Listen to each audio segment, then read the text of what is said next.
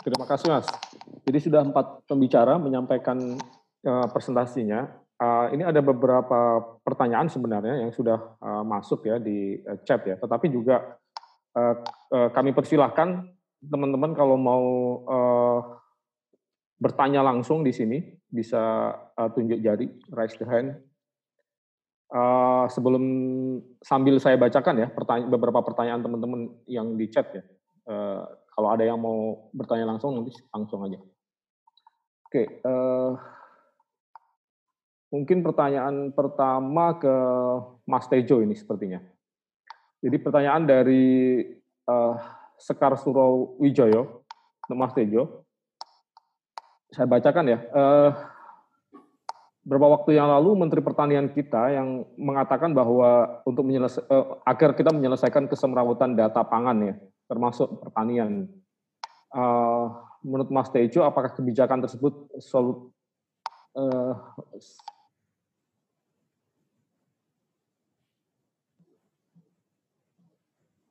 cukup solutif atau bagaimana kebijakan itu adalah kegagalan mengelola data. Berikutnya kaitan tentang uh, situasi pandemik yang datang, uh, apakah akan berdampak pada petani? Mungkin itu dulu, Mas Tejo. Ya, uh, ya, nanti baik. Pembicara yang lain juga bisa menanggapi. Ya, saya sebenarnya sudah respon uh, apa tadi sempat sambil ngetik uh, saya respon lewat chat. Tapi mungkin bisa lebih lebih kita eksplorasi ya. Jadi yang pertama saya sepakat bahwa di Indonesia ini data dan peta itu memang sangat-sangat uh, amburadul gitu ya. Uh, tersebar di mana-mana dengan metode yang berbeda-beda sehingga uh, yang timbul adalah kekacauan. Contoh kecil aja bahwa di satu sisi eh, Kementan misalnya menyatakan bahwa cukup kita cukup eh, beras gitu ya, tapi eh, atau atau ini yang lain gitu ya, komoditas yang lain. Tapi kemudian Kementerian Perdagangan karena tupoksinya justru membuka keran gitu, apalagi yang jadi masalah di saat panen raya misalnya. Nah itu itu memang saya sepakat data itu menjadi kunci karena data-data yang eh, di Indonesia itu sebagai eh, komoditas termasuk komoditas politik juga gitu. Jadi itu itu di, diperbaiki. Tapi yang eh, lebih sebenarnya lebih mendasar adalah bahwa kita ini belum punya yang namanya sistem pangan berkelanjutan gitu ya apakah mau diberi label uh, kedaulatan pangan atau apa pun silahkan. Tapi kita tidak punya sistem yang itu kita sepakati uh, kemudian uh, kita implementasikan dengan uh, uh, dengan konsekuen gitu ya. Karena karena ini menjadi salah satu menjadi uh, problem gitu. Kita kan nggak nggak punya nggak punya bayangan sebenarnya untuk urusan pangan ini mau mau seperti apa sih gitu. Dengan gampangnya kan kemudian kalau kalau kita tidak eh, punya eh, tidak bisa berproduksi ya sudah kita kita import gitu. Nah tapi belajar dari eh, banyak kasus termasuk juga pandemi ini kondisi itu sebenarnya sangat membahayakan untuk untuk kita gitu. Kalau handphone, mobil kita bisa tunda, tapi kalau pangan gitu Eh, di satu sisi tidak bisa kita tunda lagi. Itu satu satu hal.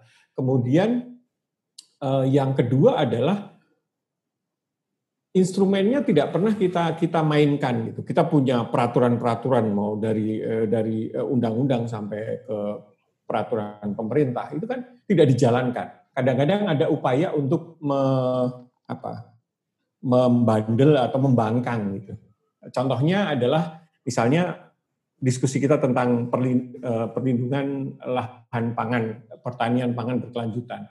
Itu kan bagus untuk perlindungan. Eh, apa kalau kita bicara supaya tidak kita mengamankan eh, salah satu modal untuk produksi kita. Tapi ternyata kan kita bisa alis. Saya juga apa pernah kita ada di dalam satu tim yang ada Kementerian Pertanian lintas lintas kementerian saya mengusulkan bahwa eh, undang-undang ini harus dijalankan dan eh, mari kita cek di di mana saja yang pemerintah kabupaten dan provinsi sudah mengeluarkan peraturan daerahnya. Ternyata mereka bilang sulit itu mas untuk dikumpulkan. Saya bilang padahal sederhana kan Pak, tinggal angkat telepon, telepon saja bupati atau atau entah itu apa badan ketahanan pangan atau dinas pertanian gitu. Sudah punya belum? Kalau sudah, tinggal minta di fax. Kita dokumentasikan dan ternyata belum sampai sampai detik ini belum tahu uh, orang Kementerian Pertanian berapa sebenarnya yang sudah dari sekian ratus 500 eh, lebih eh, kabupaten eh, kota itu yang punya berapa gitu. Nah, itu yang yang uh, perlu juga kita kita tata, eh, kita data dan kita tata. Nah, satu contoh misalnya uh, ini ini terlepas benar atau tidaknya ya. Uh, misalnya Yogyakarta. Yogyakarta waktu itu saya uh, membawa tamu untuk ketemu dengan pemerintah lah, pemerintah kota untuk belajar tentang bagaimana undang-undang eh apa perlindungan lahan pangan itu di di apa digagas kemudian diimplementasikan dalam Perda. Nah, saya jadi malu karena salah satu pejabatnya itu menyatakan bahwa Mas kalau di di Jogja itu nantinya eh, pertanian itu hanya sebagai atraksi wisata. Jadi justru eh, undang-undang ini, undang-undang perlindungan lahan ini akan diterjemahkan menjadi perda yang uh, itu mempersempit uh, luasan yang sudah ada sekarang gitu. Itu sangat sangat terbuka karena tergantung bupati dan uh, DPRD-nya kan di kabupaten itu apakah sepakat uh, perlu ada lahan pangan atau tidak. Yang terjadi uh, di banyak tempat ada pengurangan-pengurangan. Nah ini kan eh, perlu di kita pikirkan eh, bareng-bareng bagaimana menegakkannya dan kalau dari masyarakat sipil bagaimana mengadvokasikannya. Nah pernah memang eh, saya ketemu dengan bupati salah satu bupati di eh, Sumatera yang memang mereka me, apa ya eh, program utamanya adalah eh, pangan gitu. Sebenarnya yang yang disampaikan adalah mereka juga juga pingin uh, kalau sudah memperlakukan uh, apa perda pangan ya apa pangan ini itu apakah ada insentif gitu? Ada insentif untuk ya seperti kalau daerah bisa memproduksi minyak kan mereka uh, dapat bagi hasil atau atau apa pun namanya. Nah yang uh, kalau mereka bisa menghasilkan pangan itu apa? Uh, ininya gitu insentifnya. Nah itu banyak pekerjaan yang harus dilakukan gitu. Jadi saya pikir uh, tentang data saya sepakat, kemudian uh, sebenarnya kita harus sudah mulai memikirkan ya meskipun agak terlambat bahwa sistem pangan berkelanjutan seperti apa sih yang akan kita bangun dan uh, sebagai koordinator eh, pelaksananya itu siapa? Selama ini dengan Dewan Ketahanan Pangan eh, apa yang dipimpin presiden langsung ternyata kan eh, masih bu, tidak berjalan dengan baik. Badan Ketahanan Pangan karena di bawah Kementerian Pertanian untuk koordinasi juga juga tidak bisa eh, jalan. Jadi semangat undang-undang pangan eh, sebenarnya bagus, hanya kemudian eh, ternyata di penegakannya sangat sulit gitu, tarik eh, tarik menarik kepentingan gitu. Saya kira itu Mas Ai. Terima kasih Mas Tejo atas uh, uh, uraiannya ya. Jadi uh, saya pikir cukup clear ya tadi disampaikan memang persoalan data ini masih menjadi persoalan uh, uh, serius sebenarnya. Kalau data yang tidak ada, kita juga bisa salah dalam pasti akan salah dalam kebijakan ya. Termasuk tadi penentuan lokasi dan lain-lain itu saya pikir akan terkait sama ini gitu dan kita belum lihat ya tadi ya bahwa data yang sekarang ini sudah clear atau atau belum gitu ya. Kita belum ya, cek misalnya polemik bahkan antar pemerintah sendiri kan waktu itu kita lihat juga masih berseberangan ya antara Kementan dengan Kemendak misalnya kita cadangan beras eh, kita seperti in, eh, sebenarnya seperti apa butuh atau tidak impor dan seterusnya. Itu kemudian jadi persoalan ya. Dan ini eh, kayaknya sampai sekarang juga masih bermasalah. Dan ini juga pertanyaan kedua untuk Mbak Indah ini juga masih terkait sama data sebenarnya. Yang tadi terkait sama presentasi yang disampaikan tadi, uh, apa sawit buat punya data Ini dari Mas uh, Hans Nicholas ya, punya data mengenai berapa luas konversi sawah menjadi kebun sawit gitu. Yang konversi 500 ribu hektar per tahun itu apakah semuanya dari sawah atau bagaimana? Silakan pertanyaannya ke Mbak Indah.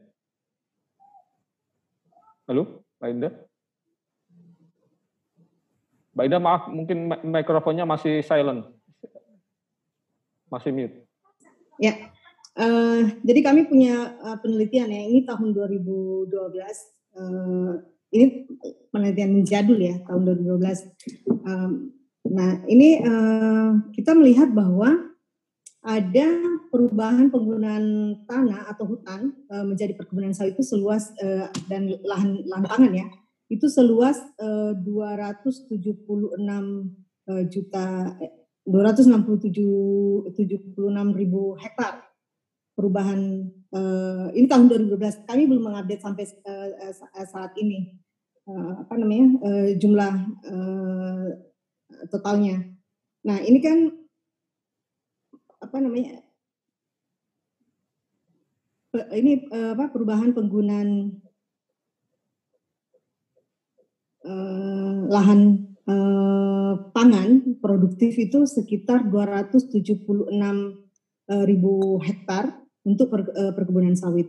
Jadi uh, dan apa ya? Dan itu terus-terus uh, terjadi uh, konversi lahan-lahan uh, uh, uh, pertanian untuk pangan. Misalnya di Kabupaten Pasir ya, itu kan ada juga uh, ketika uh, program uh, transmigrasi itu diberikan uh, paket uh, 2 hektar untuk lahan uh, sawit dan kemudian satu hektar untuk satu satu hektar untuk uh, sawah ya. Tapi karena tidak ada dukungan uh, untuk irigasi, jadi uh, lahan yang diberikan itu tidak tidak apa tidak difungsikan sebagai uh, mana peruntukannya. Itu malah di, di apa dirubah menjadi uh, mereka menanam uh, menanam sawit karena uh, apa namanya uh, lahan uh, pangan yang diberikan uh, paket yang diberikan dengan uh, paket transmigrasi ini itu tidak uh, tidak apa tidak ada dukungan untuk me, tidak ada dukungan untuk melakukan uh, upaya-upaya pertanian kegiatan-kegiatan pertanian sehingga uh, uh, menjadi uh, apa perkebunan sawit ini juga bisa sebenarnya menjadi ini ya uh, termasuk ya di misalnya di di apa namanya di uh, Oki itu di Sumatera Selatan uh, jadi walaupun tidak terkonversi secara apa, perkon, apa eh, perkebunan sawit itu mengkonversi lahan pangan, tapi banyak lahan-lahan pangan eh, yang produktif itu tidak menjadi produktif karena misalnya eh, pengolahan gambut ya oleh perkebunan sawit di,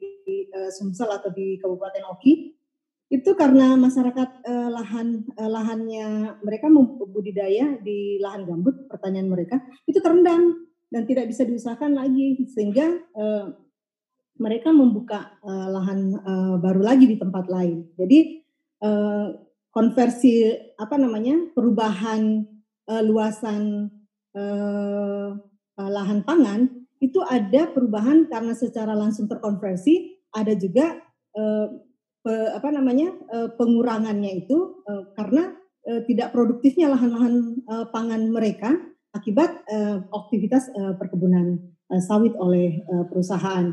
Eh, sama uh, sebenarnya di misalnya di ini ya di, di Jambi juga terjadi terjadi seperti itu.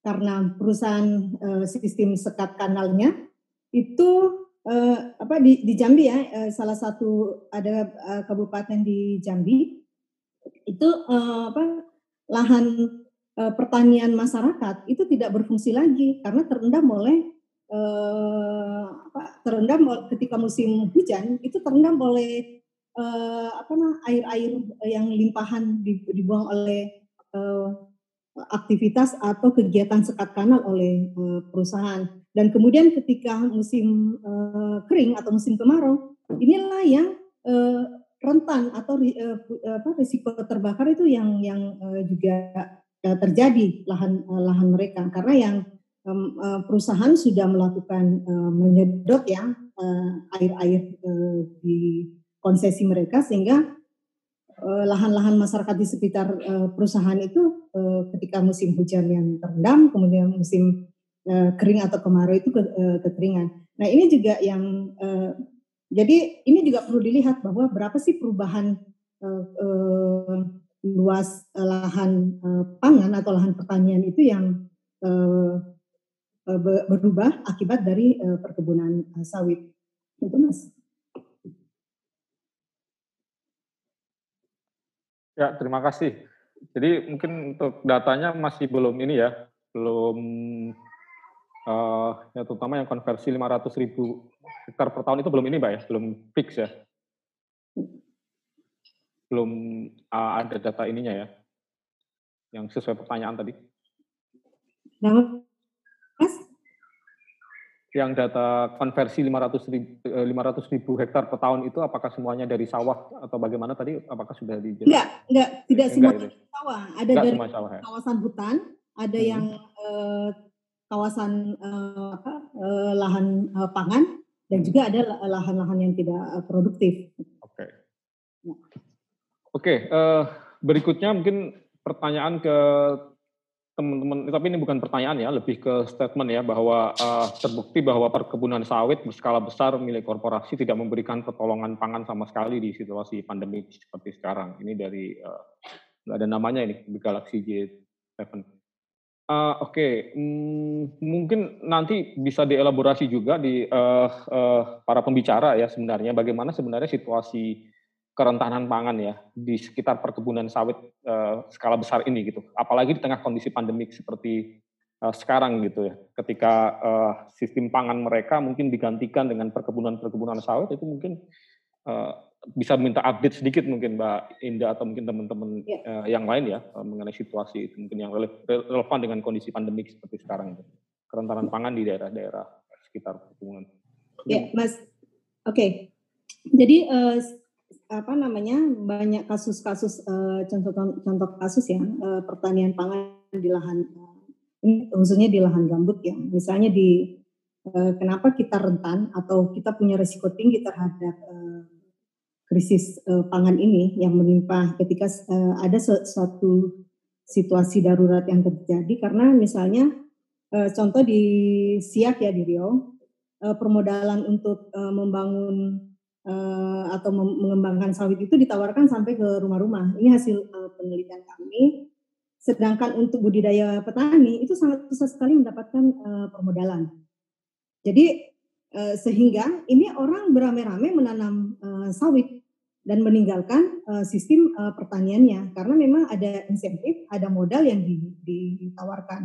Nah, ketika kondisi uh, juga uh, apa namanya uh, sama di daerah lain yang di Bulungan itu juga di Kaltara eh, petani lahan eh, basah di Kabupaten Bulungan itu terhambat akses transportasi. Jadi dia punya produksi pangan yang karena daerahnya memang subur, tapi karena uh, dia terhambat oleh apa namanya sistem transportasi untuk memasarkan produk-produk mereka, itu ini juga menjadi uh, tantangan ya.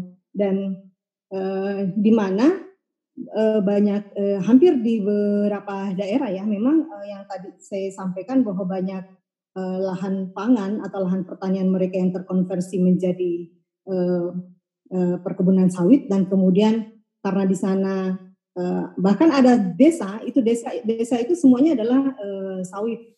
Sehingga ketika terjadi kondisi uh, darurat uh, dan terjadi lockdown mereka uh, ini apa namanya mengalami uh, situasi uh, di mana kebutuhan uh, pangan itu tidak bisa terpenuhi dan juga uh, walaupun ada itu akan uh, akan uh, harganya lebih lebih lebih mahal dan tidak terjangkau. Ini juga juga menjadi satu persoalan besar. Nah, ke depan ke depannya memang harus uh, dipikirkan bahwa bagaimana sih sistem pangan kita yang uh, aman itu yang tadi dijelaskan oleh uh, Mas Tejo. Dan juga uh, menurutku ya uh, pangan itu persoalan pangan ini mestinya sudah menjadi bagian dalam uh, apa namanya uh, ada perencanaan dibuat satu perencanaan kontingensi ya. Ketika situasi darurat terjadi bagaimana saat misalnya jangan tidak usahlah kita bicara skala nasional tapi skala satu daerah saja ketika terjadi satu bencana bagaimana apa namanya bagaimana sistem pangan yang dibangun atau daerah-daerah lain itu bisa secara otomatis apa bisa mendukung daerah-daerah yang terjadi uh, situasi darurat dan kemudian ada persoalan uh, pangan yang terjadi. Nah ini kan sampai sekarang belum ada. Kita belum lihat ada, apakah ada seperti ini sistem um, uh, daerah lain mendukung uh, pangan dalam uh, dalam apa namanya dalam uh, uh, situasi darurat. Itu uh, apakah sudah ada perencanaan kontingensi seperti ini yang dilakukan?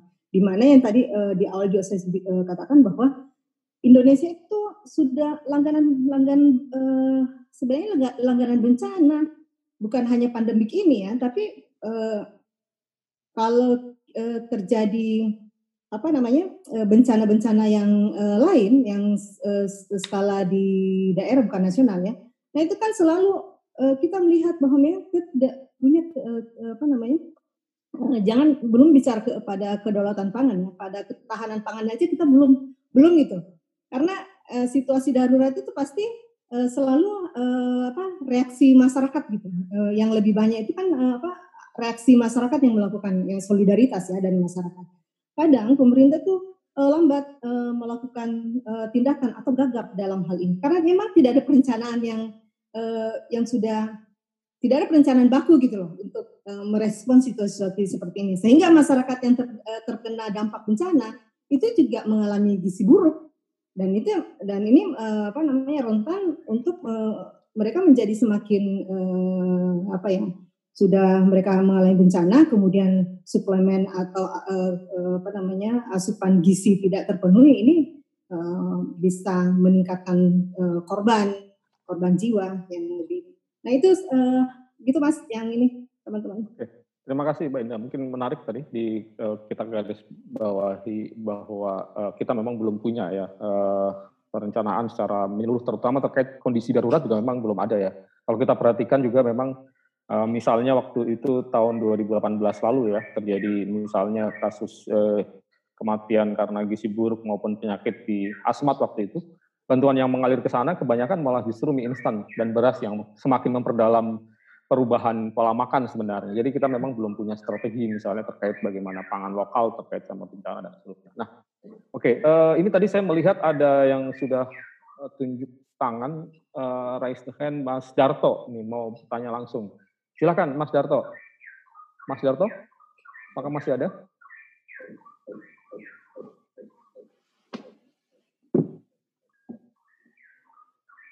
Halo, Mas Darto kayaknya uh, uh, ini dia apa tuh uh, keluar keluar lagi. Mas Darto, halo. Tadi saya lihat raise the hand soalnya. Atau kalau belum Halo. Halo. Ya, ya silakan Mas Darto, silakan. Langsung. Uh, terima kasih Mas. Uh, pertama terima kasih buat Sawit Watch yang menginisiasi acara dan kepada para pembicara yang tadi udah memaparkan beberapa idenya, terutama Mas Tejo. Mas Tejo ini abang saya sudah lama nggak ketemu. Uh, pertama itu gini Mas, kalau saya sih lihatnya ini komentar bukan pertanyaan sih, tapi uh, situasi aja, situasi yang terjadi di bawah. Pertama itu petani petani-petani kita, masyarakat-masyarakat kita itu itu tidak dibekali dengan pengetahuan. Jadi semuanya menggunakan opini dan juga persepsi sendiri. Misalnya itu gini. Contoh ini Mas kalau misalnya petani-petani atau atau masyarakat adat misalnya di Kalimantan, ini saya cenderung melihatnya itu di Kalimantan Barat dan juga di Kalimantan Timur dan juga Kalimantan Tengah, Pak Uban. Mereka itu suka membanding-bandingkan antara pangan dengan sektor industri, sektor perkebunan. Eh, dalam hal ini adalah sawit. Misalnya itu begini, kalau sawah itu kalau padi itu kan panennya uh, mungkin tiga kali uh, apa ya dua atau tiga kali dalam setahun. Sementara kalau misalnya sawit itu panennya itu setiap bulan dan income petani itu jalan terus. Sehingga kemudian itu orang lebih memilih ah lebih bagus sawit. kemudian yang kedua, yang kedua ini adalah soal finance. Kalau misalnya masyarakat kita itu berhubungan dengan sektor perbankan, petani-petani itu dan juga sektor perbankan itu dan juga pemerintah di daerah itu lebih mengarahkan ke kredit untuk sektor perkebunan karena uh, lebih jelas untuk pengembalian uh, pinjamannya. Uh, kalau misalnya soal pangan ya mungkin agak agak agak agak sangat sulit. Begitu persepsi di bawah. Terus kemudian itu akses akses market segala macam dan juga uh, soal soal produksi ini situasi di bawah. Jadi ketika petani atau masyarakat itu mengembangkan lahan pangan eh, dan juga kemudian mereka itu punya persepsi dan opini sendiri, akhirnya itu mereka mengalih fungsikan eh, apa lahan-lahan pangan mereka itu ke perkebunan-perkebunan dalam eh, skala-skala yang kecil. Sehingga yang terjadi sekarang itu Mas adalah pertumbuhan petani-petani sawit itu, khususnya itu yang swadaya, yang mandiri itu, itu sebesar 0,7 persen setiap tahun. Itu bayangkan. Jadi, jadi semuanya itu uh, adalah alih fungsi dari lahan pangan. Tidak hanya lahan pangan sebenarnya, kalau mau membandingkan sawit versus pangan, tapi juga ada karet versus sawit. Karet-karet juga banyak dialih fungsikan ke, ke sawit. Kenapa? Karena situasi dan kondisi tadi. Nah, situasi-situasi seperti inilah tidak dibekali dengan tata kelola politik, khususnya itu sistem politik untuk mendukung pangan kita. Salah satu contoh itu gini, Mas. Uh, waktu ke, waktu Menteri Pertaniannya itu Amran Sulaiman, dia itu kan suka kita tahun depan harus stop impor stop impor dengan mencetak sawah sebesar-besarnya. Kemudian membuat irigasi skala besar di semua provinsi. Dan juga kemudian sektor finance dipermudah. Dan juga uh, dengan memanfaatkan kur dengan kredit yang murah. Terus kemudian disediakan traktor di semua uh, program-program pencetakan sawah. Apa yang terjadi sesudah ini, Mas? Kita masih teriak soal krisis pangan. Artinya, proyek pangan pemerintah di masa kemarin itu gagal. Dan keran-keran impor itu masih dibuka.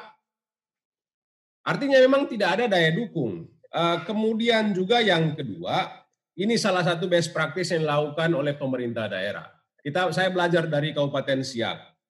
Di Kabupaten Siak itu sudah ada peraturan bupati soal kabupaten uh, hijau. Nah, di dalam kabupaten hijau itu, itu diatur soal tata kelola wilayah. Wilayah kecamatan A, B itu untuk perkebunan dan juga industri. Tapi juga untuk kabupaten C dan D itu, tapi sorry, untuk kecamatan C dan D itu, itu untuk sektor pangan dan tidak boleh dikembangkan sawit di sana. Inilah yang menurut saya itu adalah uh, poin kuncinya itu memang pemerintah pusat itu gagal dan dan maunya itu ya proyek skala besar saja eh, karena memang didomain oleh eh, intervensi industri dan juga korporasi. Tapi menurut saya itu adalah memperkuat kabupaten. Nah, Sawit Watch itu kalau tidak salah itu bekerja di Kabupaten Berau dan mendevelop soal eh, rencana strategis di kabupaten begitu-begitu ya untuk kemudian memperkuat eh, apa namanya kapasitas pemerintah dan juga otoritas pemerintah daerah dalam membuat polsenya untuk melakukan proteksi wilayah dan tata kelola wilayah seperti misalnya rencana tata ruang wilayah kabupaten. Yang kemudian agar existing wilayah yang sekarang sudah ada pangan tidak boleh dialih fungsikan lagi. Dan ada sistem daya dukung finance eh, dan juga kemudian daya dukung yang yang lain yang untuk perkebunan ya untuk perkebunan. Saya kira itu aja Pak Moderator. Terima kasih. Terima kasih uh, Mas Darto. Ini uh, sudah lama sekali kita nggak komunikasi juga ya. Kalau nggak salah lebih dari 10 tahun ini. Iya uh, Mas. Siap. ya, silahkan juga kalau masih ada yang mau bertanya langsung uh, bisa uh, raise the hand. Terus sementara itu saya baca lagi uh, beberapa pertanyaan dari teman-teman. Oke, pertanyaan berikutnya terkait sama ini undang-undang lahan pertanian berkelanjutan ya. Uh, yang menurut Mas Udur ini uh, tidak direspon serius sama pemerintah daerah. Jadi sudah berjalan enam tahun, uh, tapi tidak terjadi uh, perubahan signifikan. Mohon uh, dari Mas Tejo dan Mbak Indah ya menyampaikan uh, terkait sama itu. Sehingga ini uh, menurut menurut dia tidak membuat anak-anak muda tidak tidak mau lagi jadi petani gitu karena uh, petani tidak bisa menjadi uh, profesi yang dianggap uh, prestisius gitu. Mungkin yang uh, Mas Badri atau Mas uh, Uban juga boleh meresponnya ter terkait sama pengalaman uh, lokal di Kalimantan dan Sumatera. Silakan.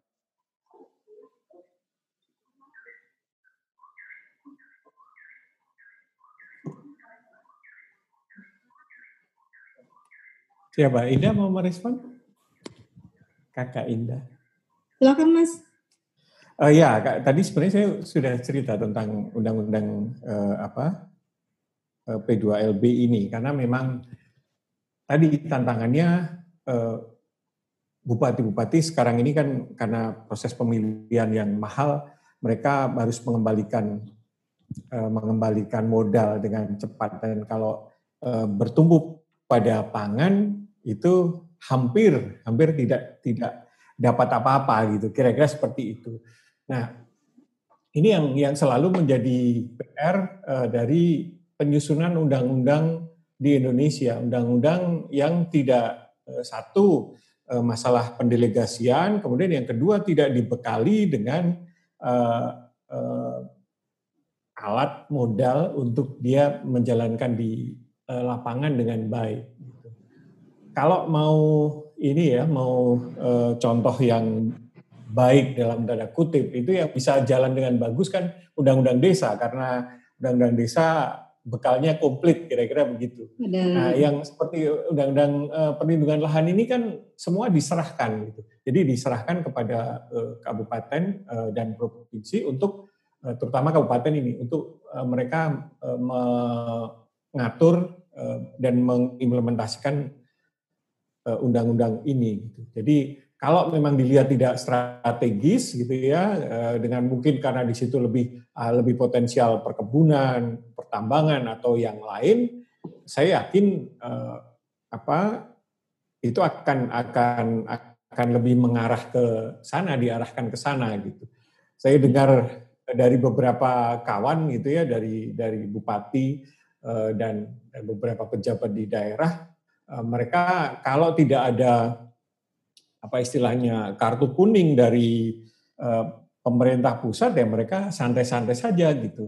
Uh, jangankan itu, yang undang-undang yang kewajibannya pemerintah pusat gitu, misalnya tadi saya sebutkan undang-undang pangan, itu juga tidak tidak dilaksanakan dengan konsekuen gitu.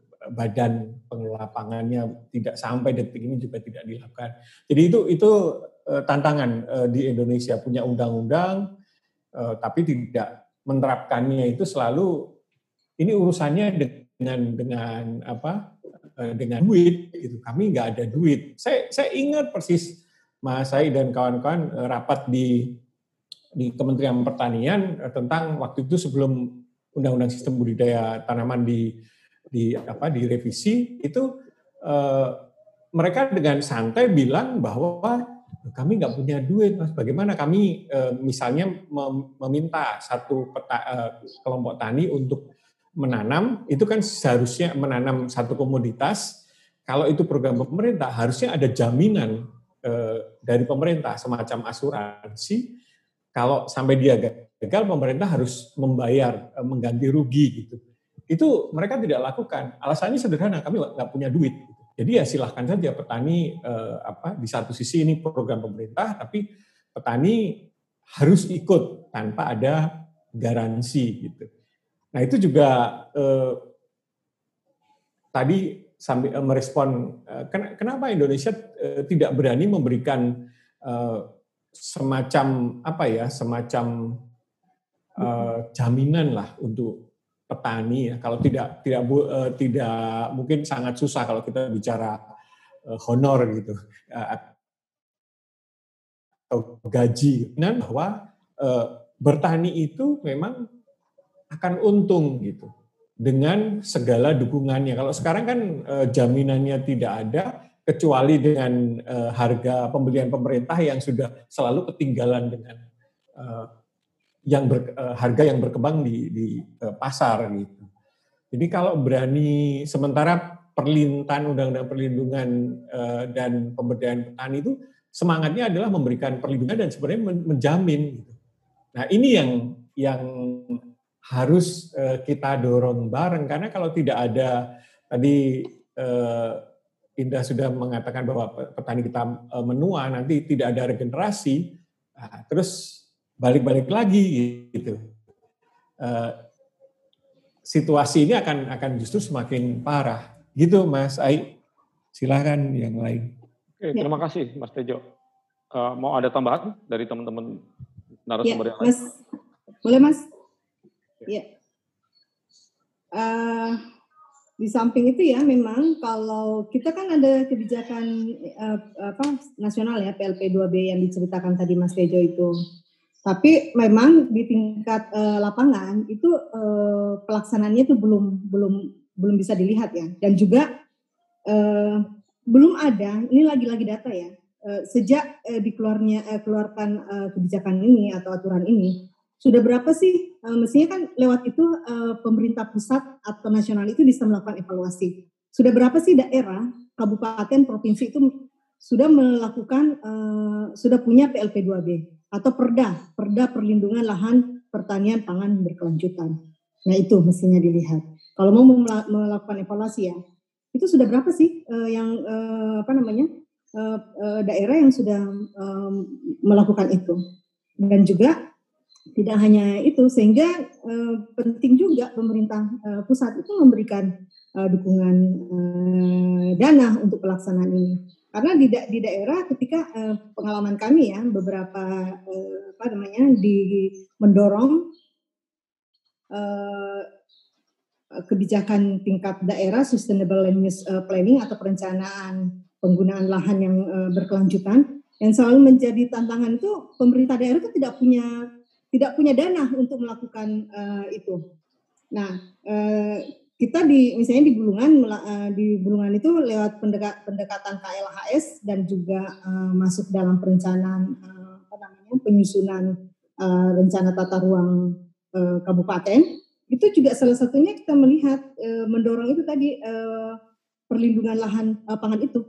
Nah, nah uh, karena ini tidak memang tidak tidak dilihat menjadi persoalan yang penting dan juga uh, lagi-lagi um, ya sepertinya ini voluntary gitu loh.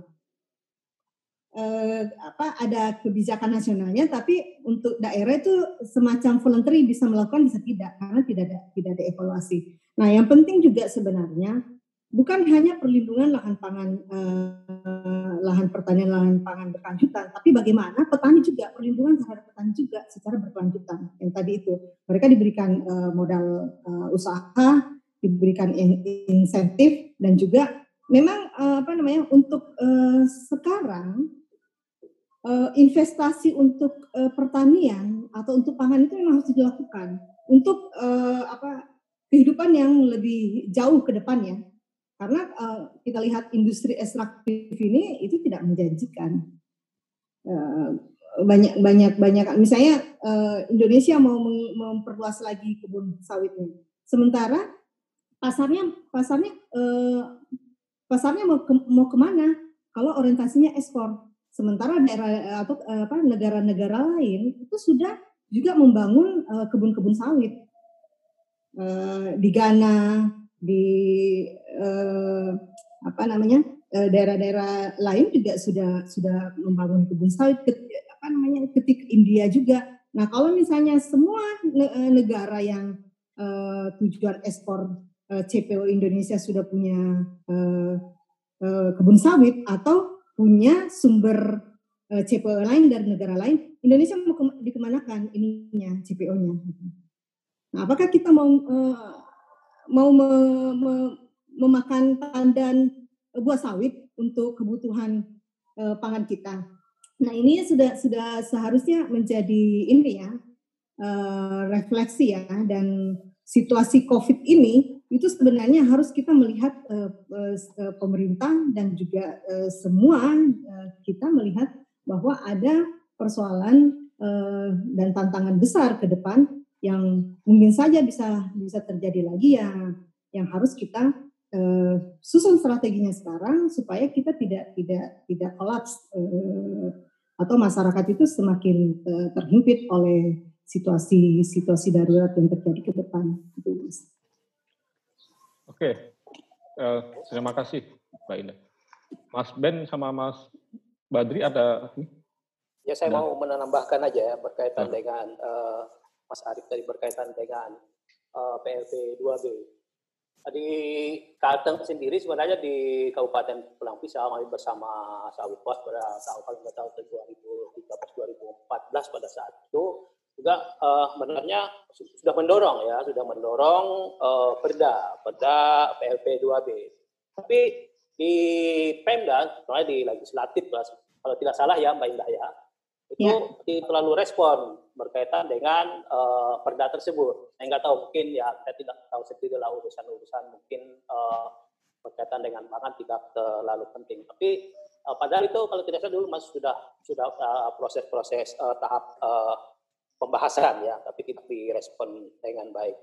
Itu kemudian berkaitan dengan uh, ada beberapa pertanyaan ya yang uh, saya catat uh, yang saya catat dari uh, Pak Hans Nicholas dari Mongabai berkaitan dengan uh, penutupan sekat kanal yang dilakukan PUPR. Nah, uh, untuk saat ini itu uh, penutupan sekat kanal yang dilakukan PUPR kalau tidak salah saya bersama teman-teman Mongabai pada saat itu Mas Kidra uh, tahun 2017-2018 itu kan prosesnya uh, dilakukan proses uh, backfilling penutupan uh, alat berat. Kalau sekat kanal biasa itu hanya dilakukan oleh kelompok-kelompok uh, masyarakat karena kalau backfilling itu memang dilakukan oleh uh, PUPR tapi rata-rata itu berada di pertama uh, kalau tidak salah di 2017 itu di SPU saluran primer induk itu uh, yang membentang antara hilir ke hulu itu itu SPU kemudian di tahun 2018-2019 itu uh, uh, SPI, SPI itu saluran primer induknya itu uh, ada kalau tidak salah itu ada 187 km ya uh, panjangnya dari Sungai Kahayan menembus Sungai Kapuas, dari Sungai Kapuas menembus Sungai Barito sampai ke Mengkatip. Jadi, nah pasca penutupan tersebut, uh, tersebut update-nya ya sebenarnya itu uh, setelah uh, apa positifnya berkaitan dengan itu pada lahan-lahan gambut dalam uh, kan lindung itu uh, itu terlindungi pertama dari uh, pertama illegal logging kemudian uh, apa pemburuan satwa dan juga lokasi-lokasinya uh, terbasahi termasuk di area-area yang kami proses kami dampingi itu ada empat uh, ada enam area hutan desa yang uh, terbasahi ya di area lindung dengan ditutupnya uh, uh, tersebut. Kemudian di yang dari uh, yang di SPI juga itu dari uh, blok B. Saya lihat di ini catatan di blok B itu dari blok B sampai ke blok A sebenarnya yang 187 itu dari Sungai Kahayan tembusnya Sungai Kapuas kemudian Sungai Braito. Jadi kan yang kata di sini ada Mas JW kata bahwa uh, apa usulan gubernur mau melakukan pembukaan di di, di blok B. Di blok B itu Pertama di situ ada usulan hutan desa, ada dua lokasi hutan desa, dan rata-rata di situ gambutnya dalam. Itu ya, sangat sangat tidak sangat tidak cocok sekali untuk dilakukan. Kalau masyarakat pun tahu sebenarnya kalau uh, di mana lokasi apa ya tadi uh, karakteristik gambut misalnya. Bagaimana mengetahui lokasi uh, untuk uh, menanam padi ladang maksudnya gitu ya, atau sawah padi ladang rata-rata ya itu sebenarnya mereka sangat sederhana. Apabila di uh, lokasi tersebut ada kepiting atau katam, nah di situ sebenarnya cocok untuk lokasi uh, untuk uh, padi, untuk sawah. Itu itu sederhananya. Itu tapi rata-rata itu sebenarnya karakteristik sebenarnya itu antara di pinggir dari pinggir sungai sekitar 1 sampai 2 km. Kalau sudah ke tengah ke hulu ke hulunya dari anak sungai itu itu rata-rata uh, gambut dalam. Maka Makanya sebenarnya lokasi-lokasi apa lokasi-lokasi produk produksi padi di Kabupaten Kapuas di Kalimantan Selatan ya di Kabupaten Kapuas dan di Pulau Pisau itu rata-rata di daerah hilir ya. Jadi Kapuas itu memang sudah prosesnya memang uh, prosesnya sudah lama mereka walaupun sebelumnya dulu mereka tidak perpindahan dari apa proses perpindahan dari masyarakat sebagian masyarakat Banjar itu pindah ke Kapuas misalnya ke Pulau Pisau di daerah mereka prosesnya uh, bagaimana membuat uh, padi sawah Kemudian yang di hulu itu lebih banyak ke uh, sistem sistem ladang ya, sistem uh, proses perladangan. Nah, penting juga sebenarnya mengidentifikasi hal tersebut. Makanya tadi saya bilang berkaitan dengan data lokasinya di mana. Hal-hal tersebut sebenarnya penting. Uh, bagaimana sebenarnya lokasi yang cocok untuk uh, lokasi persawahan cetak sawah dan lokasi untuk perkebunan atau uh, untuk pangan lainnya. Itu kan sebenarnya apa kesalahan yang dicetak uh, sawah apa 2016 itu sebagian itu berada di daerah hulu, kemudian dia uh, tidak uh, tata airnya tidak uh, tidak diolah dengan baik. Sebenarnya kalau berkaitan dengan uh, persawahan, misalnya kayak di Kalimantan Selatan di Marabahan atau di uh, Kecamatan Gambut di Kalimat di Banjar misalnya seperti itu. Itu yang pertama adalah uh, tata airnya, itu yang terpenting. Dulu belum difasilitasi, dulu waktu sejak zaman Belanda ya awalnya hal-hal tersebut mereka tetap berusaha. Nah, hal tersebut di Kapuas misalnya di zaman XPLG. Jadi di proses zaman XPLG semenjak dibuka jalan misalnya dari Kabupaten Kapuas misalnya itu XPLG semua di Kematangai misalnya itu rata-rata orang masyarakat yang berada di pinggir sungai itu berpindah uh, berpindah rumah, berpindah uh, tempat itu ke pinggir jalan. Jalan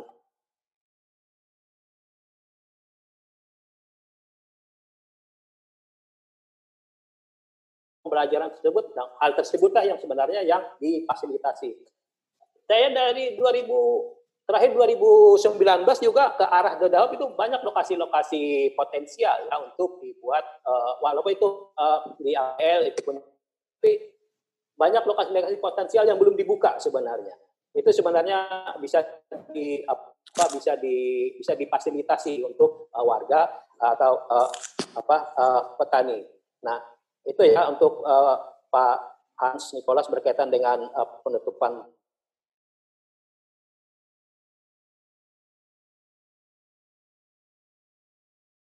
Uh, uh, Mang Udur, jadi berkaitan mungkin sudah saya sampaikan berkaitan dengan pembelajaran di XPLG, bagaimana kanal dibuka, kemudian uh, ada illegal logging, kemudian terjadi kekeringan, uh, kebakaran, dan itu berdampak ke hampir semua uh, masyarakat ya, baik masyarakat yang berdampak langsung, kemudian uh, transmigrasi yang dulunya hampir sekitar 5.000 itu hampir 50 persen itu kembali ke kota asal. Kemudian di sini ada juga berkaitan dengan uh, tadi ada pertanyaan berkaitan dengan bukan bukan ke saya ini berkaitan dengan apa ada swasembada uh, daging ya di lokasi gambut. Nah, kalau belajar dari uh, pembelajaran di misalnya di Kalimantan Selatan misalnya itu kerbau itu ada kerbau rawa. Sebenarnya dia dulu mereka mungkin lokasinya dulu gambut. Itu sebenarnya lokasi prioritas uh, enggak tahu prioritas uh, restorasi juga itu lokasinya uh, ke Kebau Rawa yang sejak uh, dulu sudah uh, dikembangbiakan oleh Pak Haji yang ada di sana ya warga yang ada di sana. Dan juga untuk saat ini sebenarnya ancamannya adalah sebenarnya sawit sebenarnya. Itu kemudian berkaitan dengan uh, sapi itu ber, uh, sebenarnya ada beberapa model. Contoh sebenarnya di apa di dekat kota Palangkaraya uh, di mana di uh, BRG tahun 2016 bersama Universitas Palangkaraya juga mencoba mengembangkan ya, mencoba mengembangkan sapi. Nah, jadi untuk saat ini sudah hampir dari sekitar kalau tidak salah sekitar hampir uh, 30-an untuk uh, kelompok ya awalnya. Sekarang sudah berkembang biak, tapi prosesnya sebenarnya itu uh, apa di lebih dikandangkan dia. Jadi pada saat kemarau uh, sapinya dilepaskan. Ada seperti itu. Tapi bantuan hal tersebut juga pembelajaran itu sebenarnya dilihat dari pembelajaran di masyarakat juga awalnya gitu. Kenapa itu dibantu? Itu melihat dulu di mana di Tanjung Taruna ada kelompok masyarakat yang ada beberapa orang masyarakat yang memelihara sapi, kemudian itu dicoba difasilitasi, ternyata uh, saat ini uh, berhasil itu ya di proses ini ya. Nah, kemudian berkaitan dengan uh, apa mungkin uh, bagi saya untuk penutup bahwa apa untuk cetak sawah sebenarnya yang uh, saya lebih tekankan, kami lebih tekan itu optimalisasi yang apa lokasi-lokasi sawah yang sudah ada dari 2014 sampai 2019. Itu aja di uh, di sembilan uh, kabupaten. Kemudian uh, ternyata kenapa kegagalan itu? Sebenarnya di SPLG kan sebenarnya berkaitan dengan uh, hidrologis juga. Pembukaan uh, dibuka uh, ya sama dengan yang dicetak sawah. Dibuka anu dibuka sawahnya salurannya enggak. Hal seperti itu. Kemudian ada datang restorasi gambut. Nah, ditabatlah di lokasi sekitar lokasi uh, apa lokasi cetak sawah. Itu kan berdampak juga kebetulan juga gitu uh, tadi menarik sebenarnya uh, terpenting tadi dari Mas Tejo itu jaminan untuk uh,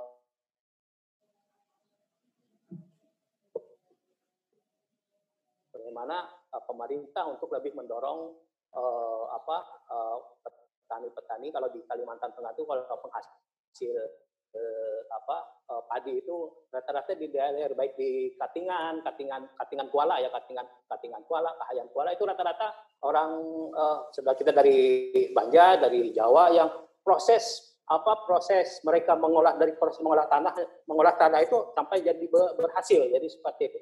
Kalau di gambut sendiri sebenarnya itu proses pembelajarannya agak lama. Kalau di ada di kota uh, Palangkaraya itu ada di ada uh, kelurahan sekarang transmigrasi itu kelurahan Kelampangan itu bagaimana juga sebenarnya masyarakat uh, dari Jawa dulunya mengolah tanah itu berpuluh-puluh tahun sampai bisa memproduksi uh, pangan ya kata-kata pangan ya uh, apa sayuran dan buah ke ke, ke Palangkaraya. Nah berkaitan dengan uh, apa tadi ada ini terakhir ya Mas Arya berkaitan dengan dari Mas Rambo kalau tidak salah.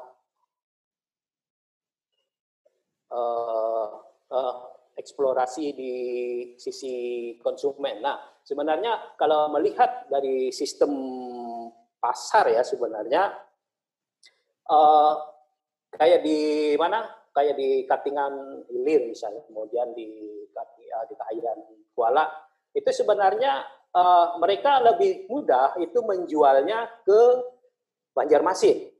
Kenapa ke Banjarmasin? Karena jalurnya lebih dekat lewat laut ya, lewat kapal. Kalau mereka uh, menjualnya ke Palangkaraya itu sangat jauh sekali dari dari Hilir ke Palangkaraya.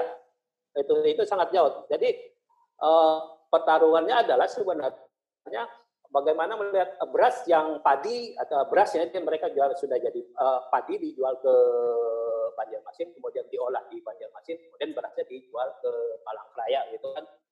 Uh, agak yang aneh-aneh juga sebenarnya itu. Uh, sisi berkaitan sisi pasar karena ini berkaitan dengan uh, transportasi karena kalau ke uh, ke Palangkaraya itu terlalu jauh maka lebih dekat ke Banjarmasin untuk men, uh, menjualnya. Nah, di kalau yang agak ke hulu di lokasi-lokasi misalnya di uh, Jabiren Raya atau di uh, Kahiyang sebagian itu sebenarnya kecenderungannya lebih ya sistem ladang ya uh, padi ladang bukan padi sawah. Ini belajar dari sebenarnya belajar yang sudah lama dan juga sebenarnya uh, kebakaran di tahun 2015 itu sebagian desa di Kahaya apa di beberapa kecamatan, di dua kecamatan yang saya ketahui itu dia surplus. Mereka kan tanam di mana saja. Ya, lokasi bekas terbakar itu mereka tanam karena terbakarnya sampai pinggir jalan ya. Enggak tahu itu tanah siapa, itu mereka tanam dulu. Jadi sampai di dua, 2015 eh, terbakar, 2016 mereka panen sampai ya sampai busuk sendiri gitu. Sebenarnya sebenarnya tata uh, penanganannya ya untuk penanganan sistem mungkin tadi bisa disebutkan sistem penataan pangannya ya berkaitan dengan bagaimana mengelola padi sawah dan padi ladang. Hal tersebut mungkin perlu di perlu dipikirkan juga hal tersebut. Mungkin itu Mas Arif. Terima kasih Mas Subhan. Rupanya sudah di borong semua tadi beberapa pertanyaannya dan kita uh, sebenarnya sudah memasuki fase akhir ya karena ini udah jam 12 lewat tetapi saya ingin memberikan kesempatan satu lagi tadi uh, sebenarnya Mas Uban tadi udah udah menyinggung ya mengenai uh, uh, dari sisi konsumen ya karena uh, saya pikir tadi memang benar juga ini salah satu pertanyaan bahwa sisi konsumen mungkin belum banyak dieksplorasi ya. Uh, kita ngomongin mengenai pangan masih dari sisi petani uh, pekebun. Karena juga pangan ini juga persoalan ini ya apa tuh uh, konsumen juga gitu. Nah mungkin ada siapa yang mau menanggapi narasumber? Mungkin Mas Tejo atau ini yang bisa jelasin mengenai bagaimana nih perubahan pola pangan ya. Mungkin bisa dikaitkan mengenai tren impor ya. Karena seperti kita ketahui saat ini uh, pangan lokal semakin tergusur ya dan komponen impor pangan kita semakin meningkat salah satunya mungkin terigu yang sudah 25% persen dari porsi pangan uh, nasional ya. kita sebenarnya per kapita ya jadi uh, kalau beras 75% persen sekarang terigu udah 25% persen dan ini 100% impor ya mungkin uh, sedikit untuk disampaikan juga mengenai itu sebelum nanti kita akhiri uh, dengan closing statement masing-masing narasumber. Silakan. Ya, ya baik Mas. Uh, karena memang waktunya pendek jadi agak agak apa sementara sisi konsumen ini menarik untuk dieksplorasi. Tadi saya sempat singgung di depan ada uh, kalau dari programnya uh, kita kaitkan dengan program eh, atau kebijakan uh, di era Jokowi itu di awal itu tidak sangat sedikit sekali menyentuh eh, konsumen kalau kita bicara kebijakan ya. Kemudian yang kedua ini sudah sudah mulai kalau di statement di dalam rencana pembangunan jangka menengah dia akan akan banyak. Gitu. Sementara di lapangan eh, eh, pola makan konsumen kebiasaan makan konsumen itu kan sangat dipengaruhi oleh satu oleh lingkungan, kedua oleh Eh, lingkungan dalam hal ini tren, kemudian juga eh, pengalaman kita kan ber, eh, beras atau ya padi atau beras ini menjadi makanan pokok yang utama itu kan juga karena kebijakan. Jadi mau tidak mau suka tidak suka kita memang harus bergerak kebijakannya berubah. Kemudian yang saya temukan tidak hanya di masyarakat di desa ya, tapi di kota juga literasi pangannya sangat sangat rendah. Jadi program peningkatan pemahaman tentang misalnya makan itu lewat, lewat harus makan yang sehat dengan apa piring isi piring ada yang terjadi sampai isi piring lokalku banyak program-program yang seperti itu tapi ternyata memang masih belum menjangkau uh, masyarakat gitu ya dan dipahami dengan baik. Kami uh, riset di Depok misalnya itu sangat kecil sekali uh, pemahaman jadi sekitar 80% itu sampai tidak tahu uh, apa itu uh, pola makan yang sehat itu seperti apa gitu. Jadi nggak usah sampai praktek misalnya masalah Eh, kalau dulu kita diajarkan untuk empat jam lima sempurna itu kan e, nyantol sekali sampai sekarang. Tapi sekarang sudah berubah karena empat jam lima sempurna itu sebenarnya tidak tidak mencukupi gitu secara gizi. Nah, saya, e, diubah jadi B2S, eh, B2S kalau di e, apa? Kalau di Depok malah e, ditambahin lagi B2SAH gitu, halalnya juga harus ada. Nah, PR kita adalah eh, eh, bagaimana melalui baik melalui sistem maupun eh, yang lain itu memang me, mencoba mengubah menggeser eh, pola makan eh, masyarakat dengan memperkenalkan eh, potensi lokalnya gitu semakin dekat semakin baik nah ini PR yang cukup berat karena setiap hari kalau kita lihat eh, apa masyarakat melihat biasanya terpapar informasinya dari TV, itu kan semua makanan pabrikan dan semua basisnya itu adalah uh, impor itu bahannya. Nah, ini memang tantangan gitu.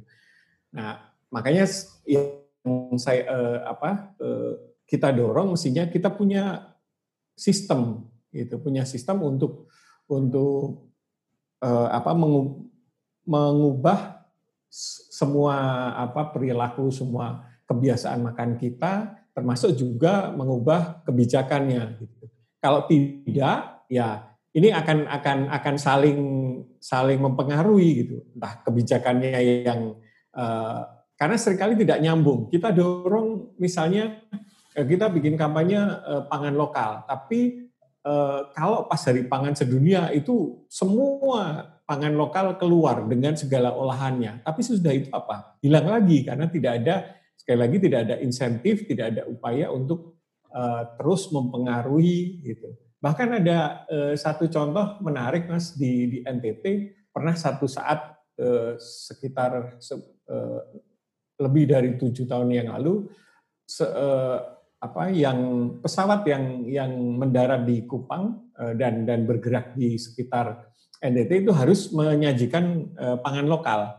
Gitu. Tapi apa yang terjadi uh, karena tidak dibarengi dengan uh, peningkatan literasi dengan edukasi, pangan pangan lokal yang disajikan gitu walaupun sudah dicoba diolah dengan baik itu disia-siakan oleh penumpangnya itu sehingga inisiatif yang bagus dari waktu itu gubernur meminta maskapai eh, maskapai melakukan tapi eh, pasarnya tidak tidak mau gitu. Ada ada ada eh, penolakan sehingga ya balik lagi ke hal seperti itu. Jadi memang memang harus kita mau tidak mau kita harus membuat ini sistemik.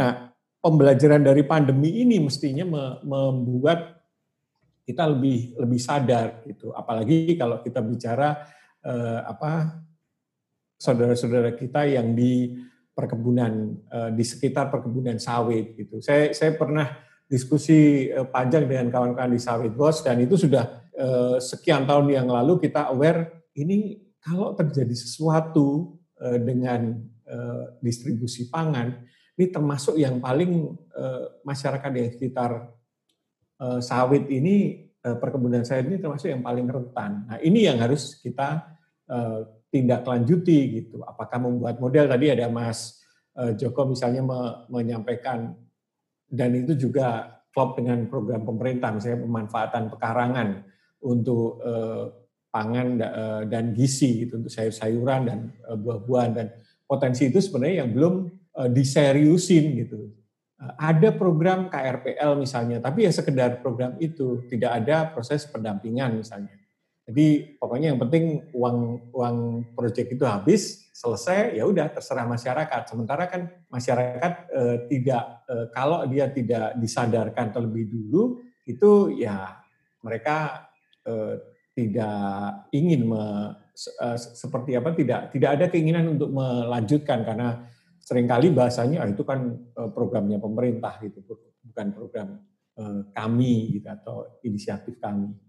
Kira-kira itu Mas. Jadi eh, saya sepakat bahwa untuk konsumen ini memang termasuk juga konsumen yang di produsen yang menjadi konsumen juga kan gitu. Jadi banyak perilaku misalnya petani menanam padi organik, padi yang kualitasnya bagus, dia jual dia makan yang lebih rendah kualitasnya gitu. Itu itu kan uh, apa ya coping strategi tapi itu yang mesti juga di, diingatkan. Dan sekali lagi jangan kembali lagi saya, saya selalu heran gitu pemerintah kalau ngomong pangan itu selalu beras gitu. Bahkan bukan hanya pemerintah banyak kawan-kawan juga bahwa ini yang penting berasnya aman dulu gitu. Nah semen, uh, bagaimana kita mendorong uh, sumber daya lokal itu bisa juga menjadi bagian diet uh, dari uh, pola makan kita. Karena tergantung dari beras itu sebenarnya dari kesehatan juga uh, bermasalah gitu.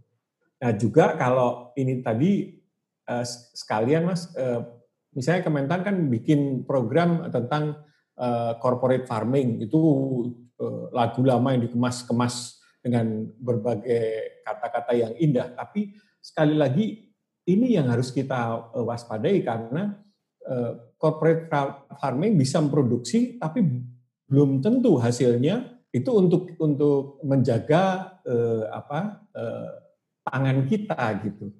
Eh, karena kalau eh, saya nggak tahu sudah ada revisinya belum. Kalau yang dari undang-undang sistem budidaya tanaman yang lama itu ada PP yang menyatakan bahwa ya eh, orang atau perusahaan yang mengembangkan pangan itu tidak ada kewajiban untuk menjual di dalam negeri kecuali uh, saat pandemik seperti ini dan itu diputuskan eh, langsung oleh presiden. Kalau presiden tidak ngomong, itu artinya tidak eh, terserah dia mau eh, ya kayak kasus itulah mas, eh, masker misalnya kan di sini butuh masker tapi karena sudah eh, terikat kontrak itu hal, hal seperti itu kan eh, eh daya paksanya di mana gitu.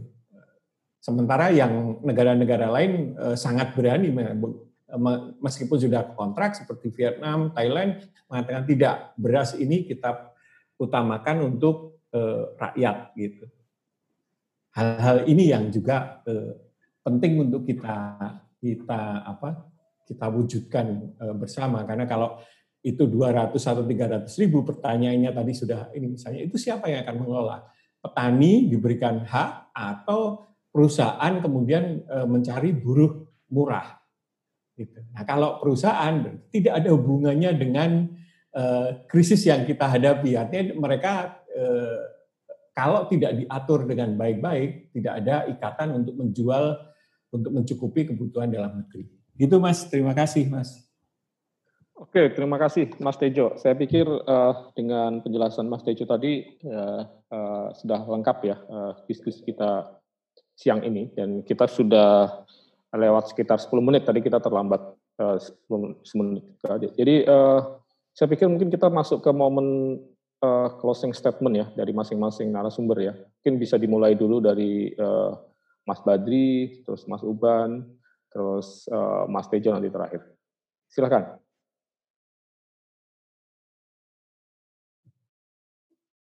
Mas Badri silakan. Itu masih mute.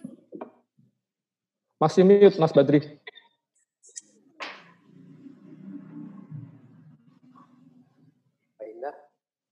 Halo. Oke, silakan Mas Badri. Sudah? Halo. Ya, silakan.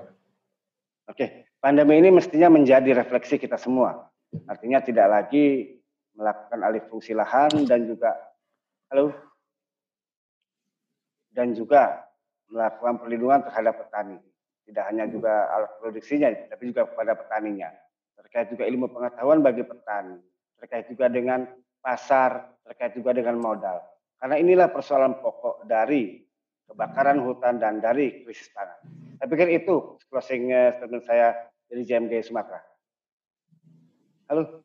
Terima kasih, ya Mas Suban. Silakan dilanjut, Mas. Mas Suban, sorry. uh, untuk closing statementnya mungkin sudah disampaikan ya. Uh, kalau dari kami sebenarnya lebih bagaimana uh, optimalisasi uh, lah yang sudah ada sejak tahun 2016, uh, tahun 2016, 2017 sampai 2019 itu yang pertama dan kedua juga berkaitan dengan itu uh, lokasi kemudian berkaitan dengan kalau seandainya kita mendukung berkaitan dengan cetak sawah untuk kebutuhan pangan. Misalnya untuk lokasi uh, Tora. Nah, mungkin lokasi-lokasi Tora yang potensial untuk uh, sawah mungkin bisa di lokasi tersebut. Karena tahun 2018 sampai 2019 di Kalteng sendiri sudah melakukan uh, apa pemetaan untuk uh, tersebut. Itu yang kedua yang terakhir mungkin berkaitan dengan di lokasi uh, gambut misalnya di uh, kalau seandainya usulan dari uh, kepala BRG untuk membuka lokasi di uh, lokasi di budidaya misalnya nah, hanya menyampaikan semenjak proses-proses selama ini di XPLG yang sudah saya sampaikan sampai kegiatan-kegiatan restorasi yang memunculkan banyaknya tanda uh, apa ahli-ahli gambut ya entah dari luar negeri, entah dari di Indonesia, yang bersuara lah untuk hal tersebut. Sudahlah, disudahilah maksudnya, sudahilah untuk membuka lokasi-lokasi uh, gambut untuk lokasi-lokasi uh, cetak sawah. Kita tidak usah meng, mengulangi kesalahan yang sama lah, baik itu di gambut dalam maupun di uh, gambut uh, yang enggak. Mungkin itu saja, Mas Arif. Ya, terima kasih Mas Iban. Silakan Mbak Indah. Ya, eh, refleksi dari maraknya kebakaran hutan dan lahan ya eh, yang terjadi setiap eh, tahun di Indonesia uh, khususnya di lahan gambut. Jadi saatnya sekarang kita harus melakukan revitalisasi dan perlindungan lahan uh, pangan di kawasan gambut dengan pendekatan landscape atau uh, kesatuan hidrologis uh, gambut. Itu. Oke, uh, Mas Tejo, yang terakhir. Mas Tejo masih mute, maaf, maaf mohon maaf. Mas Tejo masih mute, ya silakan. Oke, okay, oke. Okay. Ya, uh, bagi saya kalau dalam kerangka bernegara ini saatnya uh, kita memang menyus, serius menyusun uh, sistem uh, pangan yang berkelanjutan dengan nanti kita kita bisa diskusinya sebenarnya sudah cukup panjang itu tapi harus kita pastikan kita punya sistem dan punya uh, apa lembaga yang mengelola, bertanggung jawab dan mengelola. Nah, kemudian juga ini uh, pembelajaran bahwa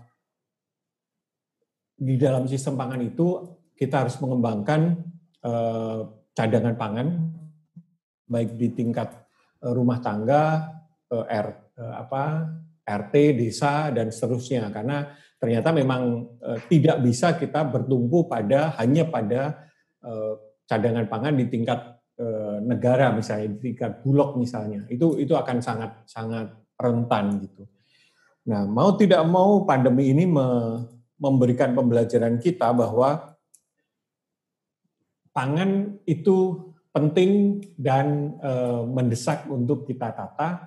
Kemudian juga e, kita sudah ngomong bertahun-tahun tentang diversifikasi pangan. Mari kita e, kita lakukan segera tidak hanya rajin mencetak sawah tapi juga eh, bagaimana menata eh, apa dan menyiapkan diversifikasi pangan ini gitu. Nah, termasuk juga dari, sisi eh, eh, konsumen kita harus melakukan eh, pendidikan karena produsennya juga juga pasti juga menjadi konsumen. Jadi peningkatan literasi itu menjadi penting gitu.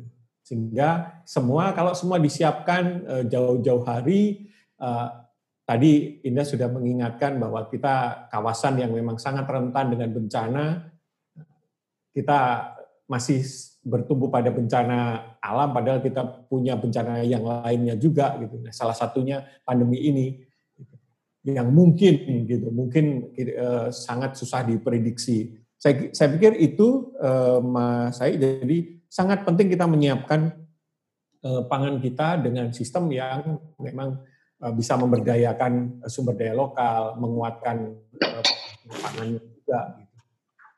Terima kasih, Mas. Ya, uh, terima kasih atas uh, narasumber semua partisipasinya. Saya pikir uh, diskusi diskusi siang kita ini uh, cukup produktif ya sampai dua jam lebih ini uh, masih 32 partisipan yang bergabung dengan kita dan uh, masih ada beberapa pertanyaan sebenarnya yang belum uh, terjawab tadi tapi secara umum hampir semuanya sudah uh, terjawab uh, yang belum bisa melanjutkan dengan diskusi langsung dengan narasumber ya. Dan uh, nanti hasil apa tuh presentasi Mas Tejo juga yang tadi belum sempat disampaikan mungkin juga bisa di share juga di sini.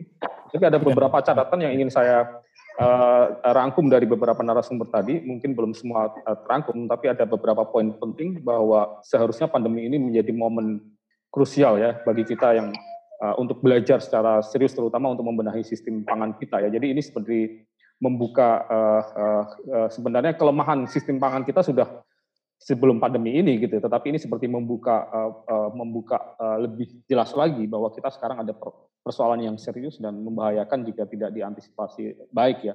Dan uh, agak mengkhawatirkan ketika kemudian solusi yang ditawarkan oleh uh, yang diusulkan oleh uh, Pak Jokowi adalah membuka kembali uh, uh, lahan gambut di Kalimantan yang kita belum tahu persisnya di mana tetapi peluang untuk berulangnya kesalahan yang sama yang pernah dilakukan Orde Baru itu bisa terjadi lagi kalau tidak dilakukan dengan hati-hati apalagi tadi dari dimensi uh, konsumen seperti yang disampaikan Mas Tejo dan seterusnya. Sebenarnya ada juga konteks ekologinya Indonesia memiliki keragaman pangan yang luar biasa yang sayangnya berkah terbesar ini belum dimanfaatkan optimal ya. Yang justru terjadi adalah uh, apa tuh uh, tren perubahan pola konsumen konsumsi ke uh, menjadi lebih seragam ya menjadi ke beras juga menjadi terigu dan seterusnya. Nah ini PR besar kita bahwa di situasi krisis seperti ini tanaman komoditas yang menggantikan tanaman pangan uh, tidak bisa lagi jadi tumpuan sebenarnya itu juga poin yang penting menurut saya jadi uh, apa tuh jadi pelajaran bahwa uh, walaupun uh, uh, harusnya uh, sistem pertanian berbasis komoditas ini tidak bisa tidak boleh bahkan menggantikan sistem uh, tanaman pangan gitu ya karena uh, uh, bagaimanapun juga dengan jumlah populasi kita yang terus membengkak seperti ini tidak mungkin jika uh, kita menjadi uh, apa tuh meninggalkan sektor pangan kita gitu karena nggak mungkin anggaran uh, berbeda dengan Singapura ya mungkin yang bisa yang memang tidak memiliki lahan dan tidak memiliki sumber daya lahan dan memiliki uang yang banyak bisa mengimpor tapi Indonesia nggak mungkin dengan jumlah penduduk yang seperti ini pangannya ditopang dari impor. Nah, uh, terima kasih atas partisipasi teman-teman semua, para narasumber, uh, kita apresiasi uh, sebesar-besarnya. Kita mungkin akan uh, semoga bisa ketemu di uh, diskusi uh, berikutnya ya. Well, ini ada beberapa catatan, mungkin catatan bagi diskusi berikutnya adalah misalnya narasumbernya tidak ada petani. ya ini mungkin nanti bisa jadi uh, uh, di seri diskusi itu. Ya. Terima kasih. Uh, selamat siang uh, semua. Baik, Mas Selamat siang. Selamat siang teman-teman semuanya. Así es.